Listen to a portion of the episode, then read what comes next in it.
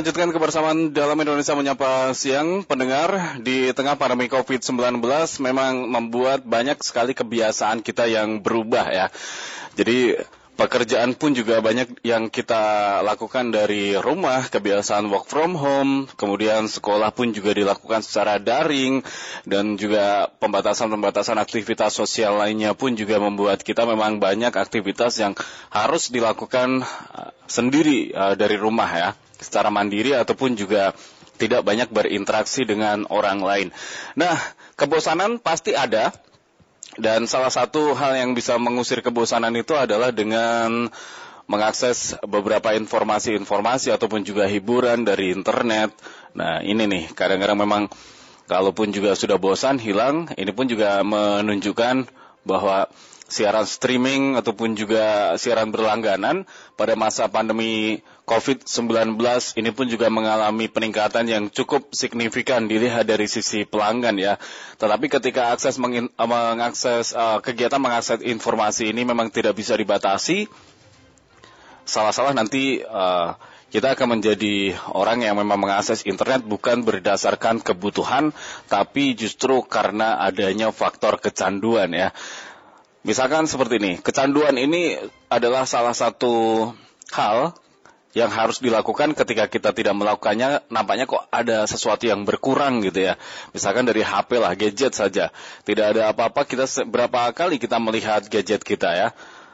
Berapa menit Anda melihat gadget setiap satu menit, dua menit, tiga menit, padahal di situ tidak ada pesan yang masuk, tidak ada telepon yang masuk, ataupun juga uh, hal lainnya. Tetapi Anda pun juga sibuk untuk membuka gadget Anda ya termasuk juga dengan internet ketika Anda tidak begitu membutuhkan informasi untuk Anda akses, tetapi Anda pun juga lagi-lagi uh, mengisi waktu Anda untuk berselancar di dunia maya.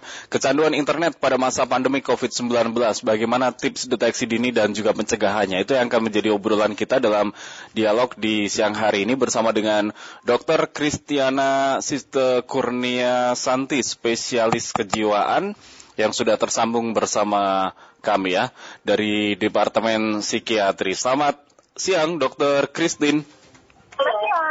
Ya, apa, ya, selamat siang. Apa kabar dok? Baik. Baik, ya, sehat selalu ya dok ya. Alhamdulillah ya. sehat selalu dok. Dok, siang hari ini kita ingin ngobrol tentang bagaimana kecanduan internet pada masa pandemi COVID-19 ini kan karena memang aktivitas berselancar di dunia maya, kemudian juga kebiasaan-kebiasaan uh, apa namanya mengisi waktu luang dengan browsing dan sebagainya. Apalagi ini data juga menunjukkan bahwa di tengah pandemi COVID-19 ini siaran-siaran streaming dan juga berlangganan juga mengalami kenaikan yang cukup signifikan ya dok ya. Benar. Ah, kalau ya. kita berbicara tentang kecanduan, bagaimana ciri-ciri atau kita bisa mengenali tanda bahwa kita sudah akan mengarah ke kecanduan ini dok? Mm-hmm.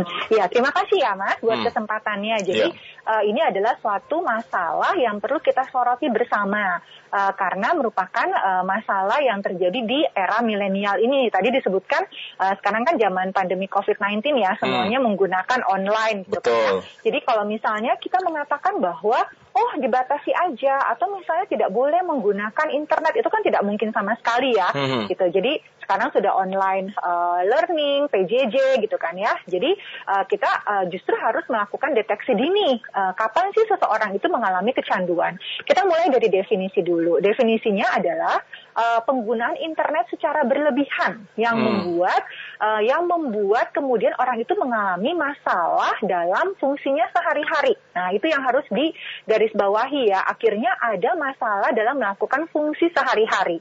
Sehingga kita bisa membedakan apakah orang ini adalah healthy gamers atau pathological gamers gitu. Jadi hmm. jangan kemudian semua melabel orang yang bermain games itu adalah seseorang yang kemudian kecanduan kan nggak seperti itu. Hmm. Hmm. Sehingga WHO atau WHO mengemukakan batasan yang sangat jelas kapan seseorang di, uh, dikatakan kecanduan. Kalau di WHO sendiri pada ICD-11 memang dimasukkan adalah gaming disorder dan gambling disorder. Jadi memang sorotannya pada yang kecanduan game dan kecanduan judi, judi. gitu ya. Hmm, hmm, hmm. Nah, tapi kita bisa pakai definisi ini untuk kecanduan internet lainnya. Misalnya saya sering kali menemui ada yang kecanduan pornografi, ada yang nah. kecanduan sosial media gitu ya. Jadi bermacam-macam. Nah, satu adalah ketika orang itu adanya loss of control, yaitu kehilangan kontrol dalam menggunakan internet. Misalnya apa? Misalnya bangun tidur, dia langsung bermain games dan kemudian tidak bisa berhenti sehingga dia tidak bisa sekolah atau sekolahnya sangat telat, tidak ujian, tidak masuk kerja gitu ya. Jadi itu adalah loss of control atau kehilangan kontrol dalam tadi onset menggunakan internetnya sendiri. Atau durasinya dia udah loss of control, dia merencanakan oke okay, aku cuma main dua jam. Hmm. Tapi kemudian yang terjadi adalah 8 jam sampai okay. kemudian pasien saya ada 16 jam gitu ya. Hmm. Hmm. Kemudian yang kedua adalah dia memprioritaskan bermain internet tersebut, misalnya bermain games itu atau bermain judi online itu di atas kegiatan lainnya. Misalnya, kalau kerja kan ada ya, eh, misalnya dari jam 8 sampai jam 5 gitu kan ya, mm -hmm. dia melakukan kerja atau sekolah gitu ya, ini mm. online jam 8 misalnya sampai jam 12 atau jam 2. Nah, dia tetap dia tetap kemudian memprioritaskan bermain gamesnya tersebut atau bermain uh, judi online atau bermain internet lainnya gitu. Misalnya sering kali sekarang terjadi bilangnya sekolah ya pakai uh, pakai zoom tapi yang kelihatan cuma uh, jidatnya doang gitu mm, ya mas ya mm, mm. nah terus orang tuanya uh, berasa dia memang sekolah kan yeah. tapi ternyata uh, ketika dicek ternyata dia membuka tuh streaming misalnya gitu ya streaming mm. uh, games online gitu nah itu uh, sudah terjadi gangguan akhirnya dan yang ketiga adalah kriteria yang paling penting dia tetap melakukan perilaku tersebut atau meningkatkan perilaku tersebut walaupun ada dampak negatif. Artinya apa? Sudah ada loh dampak negatifnya. Misalnya hmm. nilainya jelek atau misalnya pasien-pasien kami di RSCM hmm. uh, sudah ada penurunan nilai akademik, PR-nya sudah numpuk, sudah ada teguran dari guru, tapi dia tetap tidak bisa menghentikan permainan games online-nya. Nah, itu jadi patokannya, okay. uh, Mas. Oke. Okay. Jadi ketika ya. loss of control tidak bisa mengendalikan kita bisa kehilangan target dan juga bisa mengganggu aktivitas-aktivitas yang lain, ini sudah masuk dalam kategori candu ya, dok? Ya? Iya, benar. Oh, Oke, okay. dok, apakah kecanduan itu masuk dalam uh, gangguan jiwa bagi seseorang? Nah, uh, kecanduan itu kan sebenarnya bisa kita pandang dua ya. Hmm. Kalau dulu uh, pasti kita berasa kalau kecanduan itu adalah kecanduan narkoba, ya hmm. ya nggak sih? Hmm. Ya kan, substance yang masuk, ada zat yang masuk. Tapi ternyata pada saat uh, di mana teknologi itu semakin maju, ternyata ada bentuk nih kecanduan lain. Kita namakan kecanduan perilaku. Tadi uh, kecanduan internet, kecanduan hmm. games online, judi online, pornografi, sosial media gitu ya. Hmm. Ada juga bentuk kecanduan yang sedang diteliti, misalnya kecanduan olahraga atau kecanduan shopping online gitu. Jadi banyak sekali kecanduan itu. Jadi kecanduan perilaku. Dan pada uh, klasifikasi gangguan jiwa memang sudah dimasukkan kecanduan perilaku itu. Yang sudah dimasukkan adalah tadi kecanduan uh, judi. Hmm. jadi ada yang namanya gambling disorder pada ICD-11 hmm. nah juga ada gaming disorder pada ICD-11 dan itu juga sudah dimasukkan di DSM-5 yang merupakan uh, patokan klasifikasi gangguan jiwa yang kami gunakan gitu. Jadi memang sudah dimasukkan gaming dan gambling, gambling. dua dua dua ya. kategori ini yang masuk ya. Untuk Benar. Oke. Okay. Jadi sebenarnya ketika orang sudah pada ranah ataupun juga sudah masuk pada kategori kecanduan internet terutama itu gambling ataupun juga gaming, dirinya sebenarnya menyadari akan kondisinya nggak sih dok? Sebenarnya uh, yang kami alami di hmm. uh, tempat layanan kami ya, mereka yang menyadari duluan adalah orang-orang di sekitarnya. Hmm. Sedangkan hmm. kalau dia tidak menyadari, kenapa? Karena dia mendapatkan kenikmatan dari perilaku tersebut gitu. Bahkan tidak sadar tiba-tiba dia sudah 18 jam per hari. Hmm. Atau misalnya sudah hampir 20 jam per hari. Dia nggak sadar gitu. Jadi kenapa sih kecanduan itu ada? Karena ada pengaktifan namanya reward system di otak. Dan itu ada neurotransmitter atau zat kimia yang kalau meningkat itu akan menimbulkan rasa senang, hmm. rasa bahagia gitu. Jadi uh, akhirnya orang itu memang sering kali tidak menyadari, tapi orang-orang di sekelilingnya yang menyadari. Hmm, oke. Okay. Berarti dari mungkin ketika orang sekelilingnya menyadari, ditegur pun juga akan tersinggung pasti ya dok ya. Ketika diingatkan nah, ya, ketersinggungan benar. itu akan lebih tinggi ketika sesuatu yang menurut dia itu asik, menarik, kemudian orang lain melihatnya itu berbeda. Eh kamu kenapa sih main game terus? Kayak nggak ada kerjaan yang lain saja gitu. Itu pasti akan tersinggung ya dok ya. Itu jadi salah satu ciri juga mungkin ya.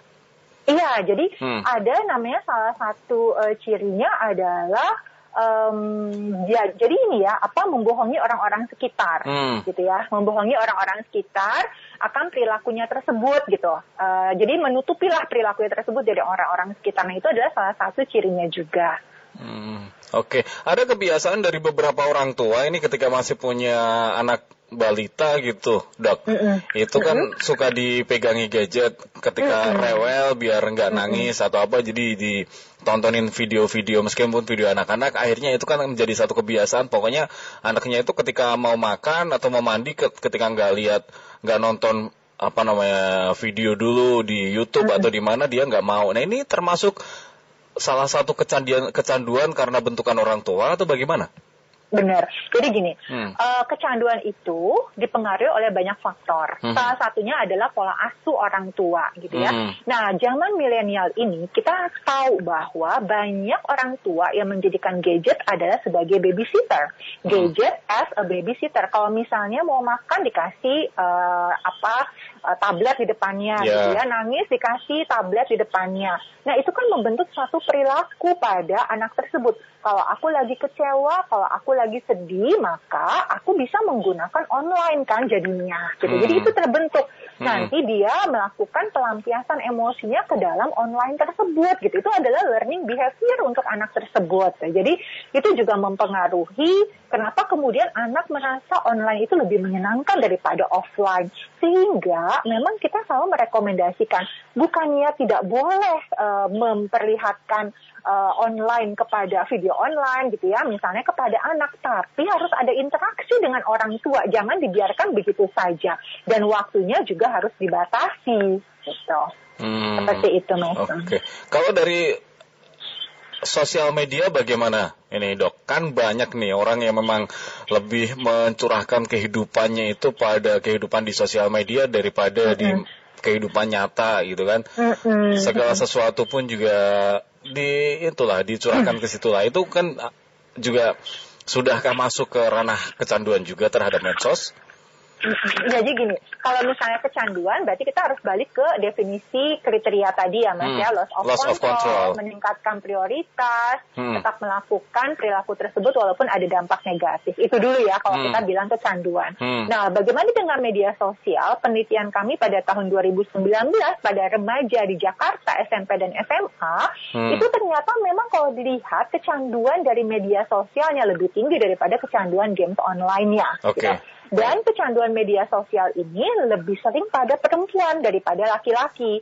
Beda dengan kecanduan games online lebih sering pada laki-laki daripada perempuan. Kenapa? Karena pada media sosial kan memang lebih banyak untuk berkomunikasi ya. Dan hmm. perempuan itu kan lebih banyak untuk berteman, hmm. berkomunikasi, komen-komenan gitu ya. Yeah. Nah kenapa sih media sosial itu akhirnya menimbulkan kecanduan? karena kita bisa membentuk karakter yang kita inginkan secara sempurna di hmm. media sosial itu kan ya okay. jadi ada narsisistik gratifikasinya yang dia dapat ketika dia diberikan pujian komennya banyak like-nya banyak itu kan dia menimbulkan suatu kepuasan dan bangga terhadap hmm. dirinya. Itu yang membuat akhirnya seseorang jatuh ke kecanduan media sosial. Oke, okay, baik. Bagaimana tips yang bisa dilakukan terhadap diri kita ketika kita sudah uh, dari definisi tadi uh, dari mungkin evaluasi diri ya, Dok ya. Hmm terus yeah. Iya. uh, wah kayaknya aku juga sudah masuk mau ke kecanduan nih gitu kan mm-hmm. ataupun juga ada orang-orang sekitar kita yang sudah mulai kecanduan internet nanti mm-hmm. akan kita obrolkan lagi pendengar tapi kita simak dulu satu informasi berikut ini oke okay, ya kilas berita Pendengar BPJS Kesehatan menyatakan telah resmi membuat laporan polisi terkait dengan penjualan data kependudukan warga negara Indonesia yang diduga berasal dari perusahaan plat merah itu di forum online beberapa waktu lalu. BPJS menduga telah terjadi pelanggaran hukum terkait peretasan 279 juta data kependudukan dalam peristiwa tersebut, sehingga mereka meminta aparat kepolisian menindak perkara itu. Untuk informasi lainnya pendengar dapat Anda akses di laman resmi kami rri.co.id. Apa yang bisa kita lakukan ataupun juga tips-tips tip mungkin dok yang bisa kita uh, lakukan gitu ketika kita merasa kita sudah mau masuk ke dalam taraf kecanduan ataupun juga orang di sekeliling kita sudah ada yang kecanduan internet baik itu game ya. online ataupun juga yang lainnya gitu. Oke, okay. jadi gini, Yang penting adalah deteksi dini dulu harus kita lakukan ya, uh, sehingga dengan deteksi dini kita akan mengetahui lebih cepat apakah kita sudah mengalami kecanduan atau belum. Karena kalau sudah kecanduan, maka kita membutuhkan pertolongan profesional. Nah, kami di Divisi Psikiatri Adiksi, Departemen Psikiatri FKW RSCM membuat aplikasi yang sangat mudah untuk melakukan deteksi dini. Namanya KDAI. Nah, itu bisa di uh, download secara gratis gitu. Jadi uh, diisi pertanyaannya, uh, kemudian nanti akan ada keluar apakah kita sudah mengalami kecanduan internet atau belum. Nah, saya selalu me, uh, menganjurkan kepada orang tua untuk memeriksakan KDA ini per enam bulan, juga kepada guru-guru di sekolah. Karena semakin dini kita mengetahui, maka kerusakan otak itu semakin minimal dan terapi itu bisa kita lakukan secara cepat. Nah, jadi deteksi dini dulu tuh Mas ya, yang penting tuh. Oke. Okay. Kemudian dari penelitian kami, kalau sekarang kan banyak pertanyaan gini, kita pakai internet terus loh, gitu kan ya? Mm -hmm. uh, gimana gitu? Uh, kita nggak bisa nih semua kerja sekolah pakai internet. Nah dari penelitian kami pada masa pandemi COVID-19 ini, pada sekitar 6.000 uh, partisipan atau subjek yang tersebar di, di 34 provinsi di Indonesia, jadi angka nasional ya.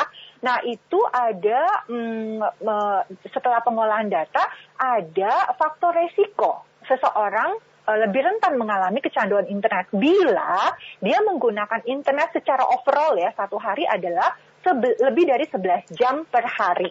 Nah, gitu ya. Jadi kita bisa jumlah tuh kan, misalnya apa kerja online atau ada hiburan gitu kan. Hmm. 11 jam per hari itu adalah maksimal. Okay. Nah, bagaimana dengan remaja? Maka menggunakan games online tidak boleh lebih dari 3 jam per hari. Menggunakan media sosial tidak boleh lebih dari 3 jam per hari. Sehingga maka kita harus menggunakan aplikasi-aplikasi yang canggih yang memang sudah ada nih. Yaitu hmm. misalnya timer. Nah, timer itu harus dipasang.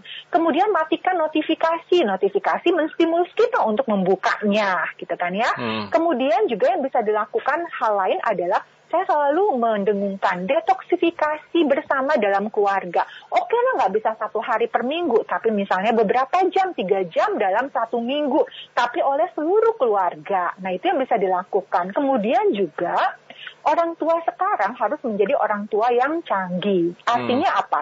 Banyak aplikasi yang digunakan oleh orang tua untuk mengatur penggunaan internet dari anaknya. Misalnya, pada saat dia PJJ, ternyata dia buka games kesayangannya gitu. Nah, itu bisa loh. Ada aplikasinya di mana orang tua itu bisa kemudian mematikan uh, hmm. games tersebut pada saat anak itu lagi PJJ. Atau misalnya ketika dia menggunakan uh, media sosial lebih dari tiga jam, maka kita tahu tuh uh, di aplikasi tersebut dan kemudian kita bisa matikan sehingga tidak okay. bisa membuka lagi gitu. Jadi hal-hal itu yang bisa dilakukan, hmm. Mas. Oke. Okay. Jadi itu beberapa tips yang memang bisa kita lakukan ya, Dok ya. Selain ya, kita iya. bisa mendownload aplikasi dari RSCM tadi yang memang secara gratis untuk mendeteksi dini, kita sudah ke taraf kecanduan atau belum ataupun juga mungkin gangguan-gangguan jiwa yang lain mungkin ya. Uh, iya. ya.